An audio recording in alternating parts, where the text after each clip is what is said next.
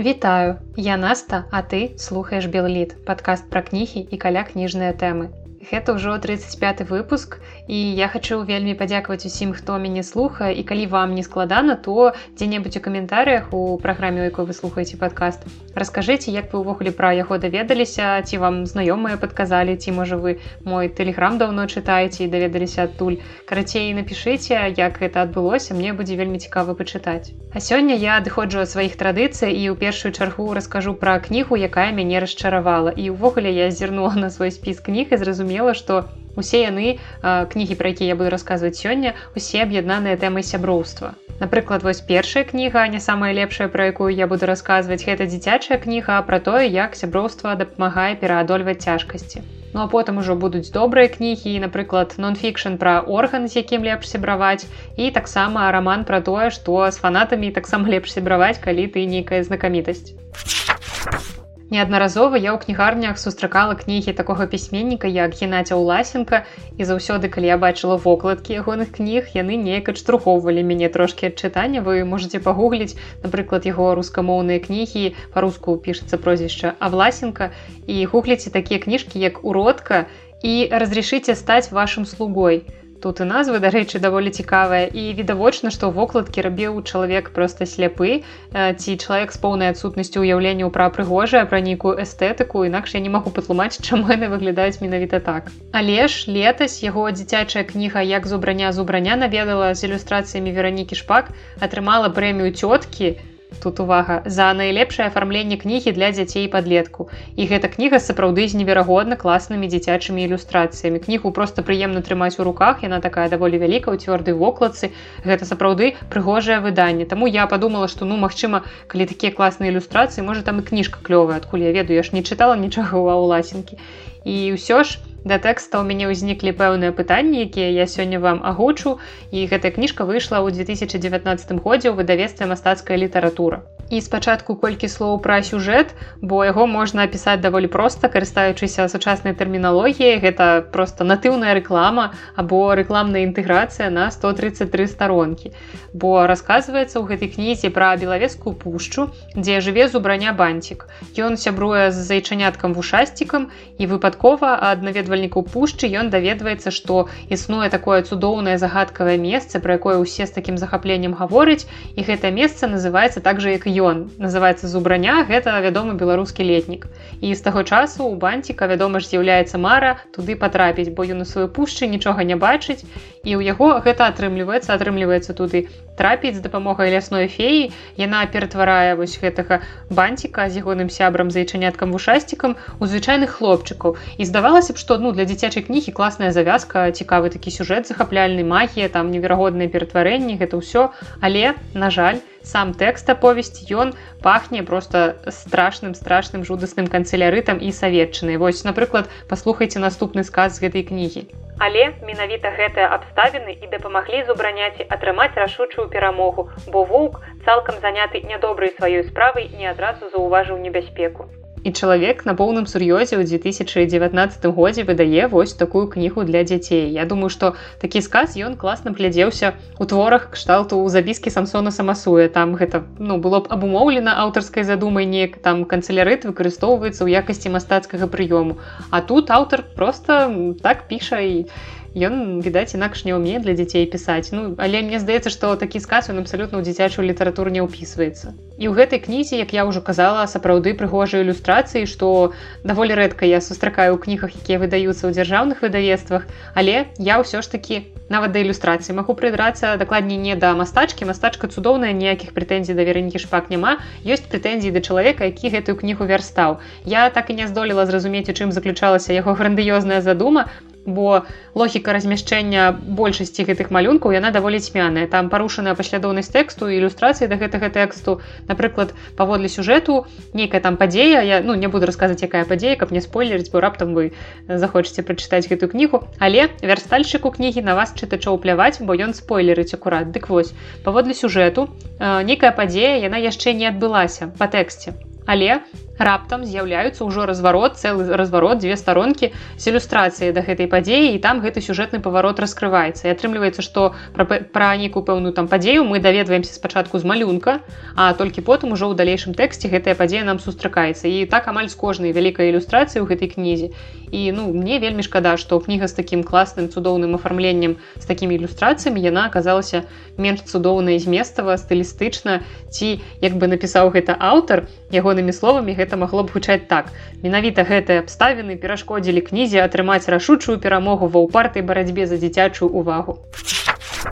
Наступная кніга, як я і абяцала, яна пра важны орган, з якім нам усім лепш сябраваць. Кніга называецца мой лучшы друг жалудак, еда для умных людзей. І яе напісала Алена Мотова, расійскі ўрач-дыетолог і навуковы журналіст. І першая і самая самая важная рэч, якую варта ўсведамляць, калі вы пачынаеце чытаць падобныя кнігі пра ваше здароўе, пра нейкі здаровы лад жыцця, трэба думаць, што ніякі кавалачак паперкі, нават калі ён будзе проста неверагодна прыгожым, суперская вокладка, ён все роўна не здольны змяніць чалавека калі сам чалавек гэтага не захоча. Бо калі ты тюлень які ляжыць на канапе то нават калі ты прачытаеш усе кнігі пра здаровы лад жыцця ты ўсё роўна застанешся безвольным тюленем бо вось такі ты не хочаш змяняцца. І наступныя мои словы яны могуць выглядаць нібыта гэта такая ведаеце цытатка з пабліка ўкантакце банальнага але я ўсё роўна скажу гэта бо гэта вельмі важна што перамены пачынаюцца ў вас у галаве. Бо няма ніякай на жаль няма ніякай чароўнай таблеткі ад усіх праблемаў хваробаў і няма нейкай чароўнай кнігі. Калі вы яе прачытаеце вы схуднееце на 30 кілаграм станеце здаровым спартовым бо здароўе гэта не нейкая кніжка гэта крапатлівая праца і даволі доўгі шлях. І гэта вось усё я да вас да чаго падводжу. Гэта такі мой свой асаблівы дысклеймер да выдатнай кнігі алены мотавай і ўвогуле да любой кнігі на такую тэму Вось напрыклад вы слухачы майго падкаста вось самі сабе шчыра адказваеце на пытанні далей якія буду задаваць. Вось ці можете вы сказаць што страўнік ён ваш лепшы сябар? І ці заўсёды вы неяк правільна інтэрпрэтуеце яго сігналы ці радуеце вы яго карысным палівам а не нейкім фастфудам?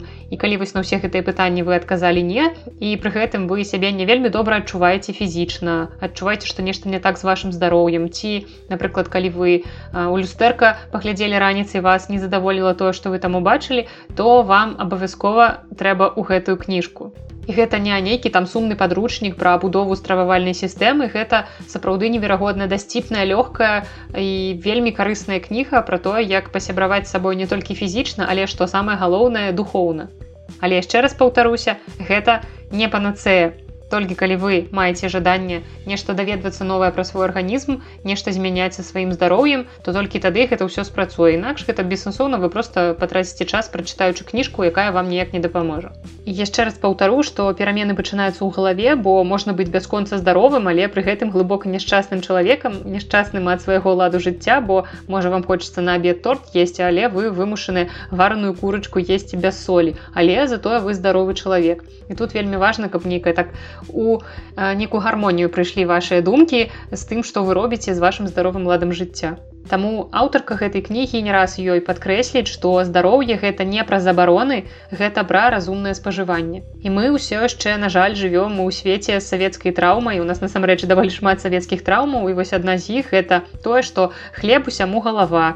Нельга выкідваць ежу, а салодкая абавязкова павінна быць узнагародай і думаю, што кожны з вас утыкаўся з такой сітуацыяй, калі спачатку боршча, толькі потым ты можаш атрымаць цукерку. І для многіх, на жаль, гэтая сітуацыя з дзяцінства, перарасла ў псіхалагічнае заяданне праблемаў калі здаецца што все наладзіцца калі ўнутры цябе апынецца гэты суперапетытны кавалачак торціка і чаму я маю смеласць зараз так упэўнена на гэтую тэму разважаць? Бо я добра ведаю што такое расстройства харчовых паводзін і ведаю гэта з уласнага вопыту. Што пазбавіцца ад яго гэта вельмі доўгі і няпросты шлях і вельмі спадзяюся што гэтая кніга можа дапамагчы людзям з падобнымі праблемамі.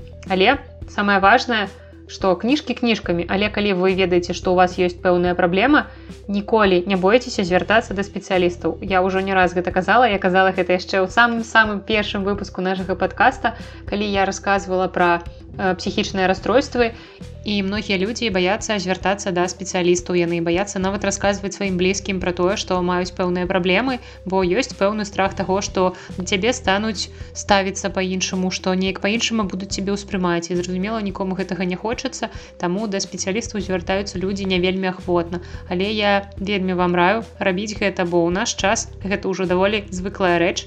І наадварот горш калі ты не сочыш за сваім ментальным здароўем і ад гэтых горш не толькі табе але і тваім блізкім таксама. Але і кніжкі чытаць таксама класна бо яны могуць падштурхнуць вас на многія перамены калі у вас ёсць жаданне да гэтага. І ў гэтай кнізе вы знойдзеце мноства карыснай інфармацыі напрыклад там выкрыццё розных дыет разнастайных дэтокс праграм што гэта ўсё глупства. Няма ў нашым арганізме якіх таксінаў і шлакаў ад якіх вось розныя гэтыя інтэрнэт-дыетолагі так упарта хочуць нас пазбавіць. Няма гэтай штукі. У нас арганізм гэта сістэма якая сама сябе рэгулюе. Яму не патрэбныя нейкія дадатковыя штукі калі у вас ну сапраўды калі у вас нейкі сур'ёзны разлад у арганізме так тады гэтае патрэбна але таксіны ішлахі гэта ўсё поўная ерась мне кожны раз смешна калі я чытаю ў інтэрнэце пра дэтокс праграму і вывад таксінаў з арганізма Боже мой. І вось гэтая кніга акурат выдатна падыходзіць для людзей якія толькі пачынаюць свой шлях уводзены ў свет здароўя у свет знаёмства са сваім арганізмам. І калі вы не ведаеце з чаго пачаць на шляху да здаровага жыцця то прачытайце гэтую кнігу. Гэта будзе сапраўды вельмі карысна. Мы живем в эпоху пищевого изобилия впервые в истории человечества еда столь разнообразна и столь доступна нет и никогда не было такого общества которое поощряло бы обжорство Достаточно еды в недалеком прошлом могли позволить себе только богатые люди, но их аппетиты сдерживались религией и традициями. Сейчас общество отчаянно нуждается в том, чтобы ему запретили есть, а поэтому массово выдумывает себе мифы и страшилки про еду. І яшчэ адна кніга пра сяброўства толькі пра вельмі спецыфічнае сяброўства і напісаў яе Стывен Кінг і нарэшце ў маім спісе любімых кніг Стывена Кінга папаўнення я прачытала адну з яго самых вядомых кніг якую моцна полюбіла і гэта плюс один пункт у спісе маіх любімых кніг пра людзей з псіхічнымі расстройствамі. І гэтая кніга называется мізері Ідэя гэтага рамана да кінга прыйшла ў сне, бо пісьменнікам таксама сніцца розная дзіч. Як мне, толькі яны з гэтага ўмеюць рабіць грошы, я пакуль што, на жаль, не ведаю, як мае дзікія сны манетызаваць, трэба ўзяць гэта на ўзбраенне. І пасля таго, як гэты сон прысніўся кінгу, ён з жонкай паляцеў у Лондон. І там ён засяліўся ў гатэль і зразумеў, што вось гэтая гісторыя, якая прыснілася, яна яго не адпускае і таму пісьменнік попрасіў кансьержа знайсці яму якое-небудзь спакойнае месца дзе можна было б папрацаваць над тэкстам трошки папісаць і кансьерж прапанаваў кінгу утульны куточак са сталом іншага вядомага пісьменніка радзіярда кіплінга кінгу там працавалася даволі класна ён напісаў кучу старонак і падышоў да кансьержа каб падзякаваць яму за такое ўдалае месца і кансьерж на гэта нечакана сказаў што кіплінг нават памёр за гэтым сталом ад удару калі працаваў Я думаю што кінгу было б добра і без гэтага факта але вось такі цікавы факт як пісьменнікі паміраюць за працай і роман мізері можна назваць герметычным тому что герой там амаль увесь час знаходзіцца ў замкнёнай прасторы і звонку амаль нічога не адбываецца. І тут мы можем такія кніжкі у кінга ўспомніць як ігра джералда ці девочка которая любила тома гордона і вельмі часта я чую ад людзей такія скаргі што кінг вельмі шматслоўны што ён піша гэтыя велізарныя раманы якія можна было б там скараціць да 300 сторонак але пры гэтым у кінга сапраўды даволі шмат вельмі класных кніг дзе персонажу мінімум увогуле можа быть один персонаж як вот девочка которая любила тома гордона. Мінімум нейкіх лакацый гэта такія даволі герметычныя творы але тым не менш ты чытаеш у неверагодным напружанні і не можаш ад кнігі адарвацца У гэтым рамане галоўных герояў усяго два. Гэта пісьменнік які трапіў у аварыю і яго ненармальная вар'ятка фанатка якая выпадкова апынулася на месцы аварыі і забрала скалечанага аўтара дадому. Яна яго замкнула ў падвале і прымушае пісаць. Я думаю што многія з вас я дакладна хацелі б узяць стывіна кінга ці якога-небудзь іншага пісьменніка ў закладнікі ў палон каб ён пісаў толькі для вас. І мне здаецца што першыя ў чарзе тут фанаты джорджа марціна бо можа хоць так ён дапісаў бы гэты чортаў цыкл Я, дарэчы, чытала класную біяграфію кінга сердце в котором жывет страх. Калі вы хочетце даведацца больш пра гэтага пісьменніка гэта супер кніга просто. Яе аўтар лайза роўхік яна падкрэслівала што многія кнігі кінг пісаў на аснове акурат сваіх страхаў Я думаю што гэтая кніга таксама не выключэнне гэта ў першую чаргу страх алкаголю і наркотыкаў якія цябе ў закладніках трымаюць як вось гэта неадэкватная фанатка про гэта сам кінг кажа. І ён прайшоў праз гэта праз алкагольную наркатычную залежнасць і многія свае творы ён акурат пісаў пад уздзеяннем забароненых і не вельмі рэчываў. Але таксама мне калі я чытала гэтую кнігу падумалася пра іншы страх бо вы можете вось у сабе ўявіць колькі ў такога папулярнага аўтара неадэкватных фанатаў. Ён сам расказваў нейкія дзікія гісторыі напрыклад 20 красавіка 1991 года у дом сям'і пісьменніка шостой раніцы разбіўшы акно прабраўся нейкі хлопец якога звалі эрык кін. Жонка пісьменніка табіта кінг пачула шум яна прыйшла на кухню і убачыла там кіна які махаў скрынкай і крычаў што ў гэтай скрынцы бомба Ён пагражаў, што падарве дом, бо кінг нібыта скраў сюжэт гэтага рамана рамана мізері у ягонай цёткі звольненай медсястры. І жонка кінга здолела выбегчы на вуліцу, яна дабралася да суседзяў, выклікала паліцыю, яны калі прыехалі, то абшукалі дом, знайшлі кіна на гарышчы дома і там жа яго і затрымалі. І ў ягонай скрынцы ляжала некалькі дзясяткаў алоўкаў і папяровых са шчэпак. І мужчыну арыштавалі і пасадзілі, але ўсяго на паўтара года. І зразумела, што пасля гэтага здарэння Стывен Кінг стаў больш сур'ёзна ставіцца да аховы свайго дома і да канца года яны з сям'ёй перасталі наведваць нейкія масавыя мерапрыемствы. Таму такі страх адназначна ў ягонай галаве ёсць. Я думаю, ён яго там трымаў, калі пісаў гэты раман. І дарэчы, тэму такіх вось апантаных прыхільнікаў кінг яшчэ ўздымае ў рамане, хто нашол берёт сябе з цыклу пра містера Мерседеса. Я думаю, што кінг проста спрабуе неяк гэты страх прапрацаваць у сваёй творчасці. Дарэчы, у рамане мізері шмат цікавых думак пра пісьменніцтва і калі вы ўвогуле хочаце пачытаць разважанні кінга на гэтую тэму, то я вельмі вам раю ягоную кнігу как пісаць кнігі мемуары ремесле гэта сапраўды цудоўны твор для тых хто марыць стаць пісьменнікам хто спрабуе робіць нейкі там першыя спробы ў гэтым кірунку у гэтай кнізе таксама можна пачытаць пра тое што напрыклад асноўнай масе чытачоў увогуле пляваць.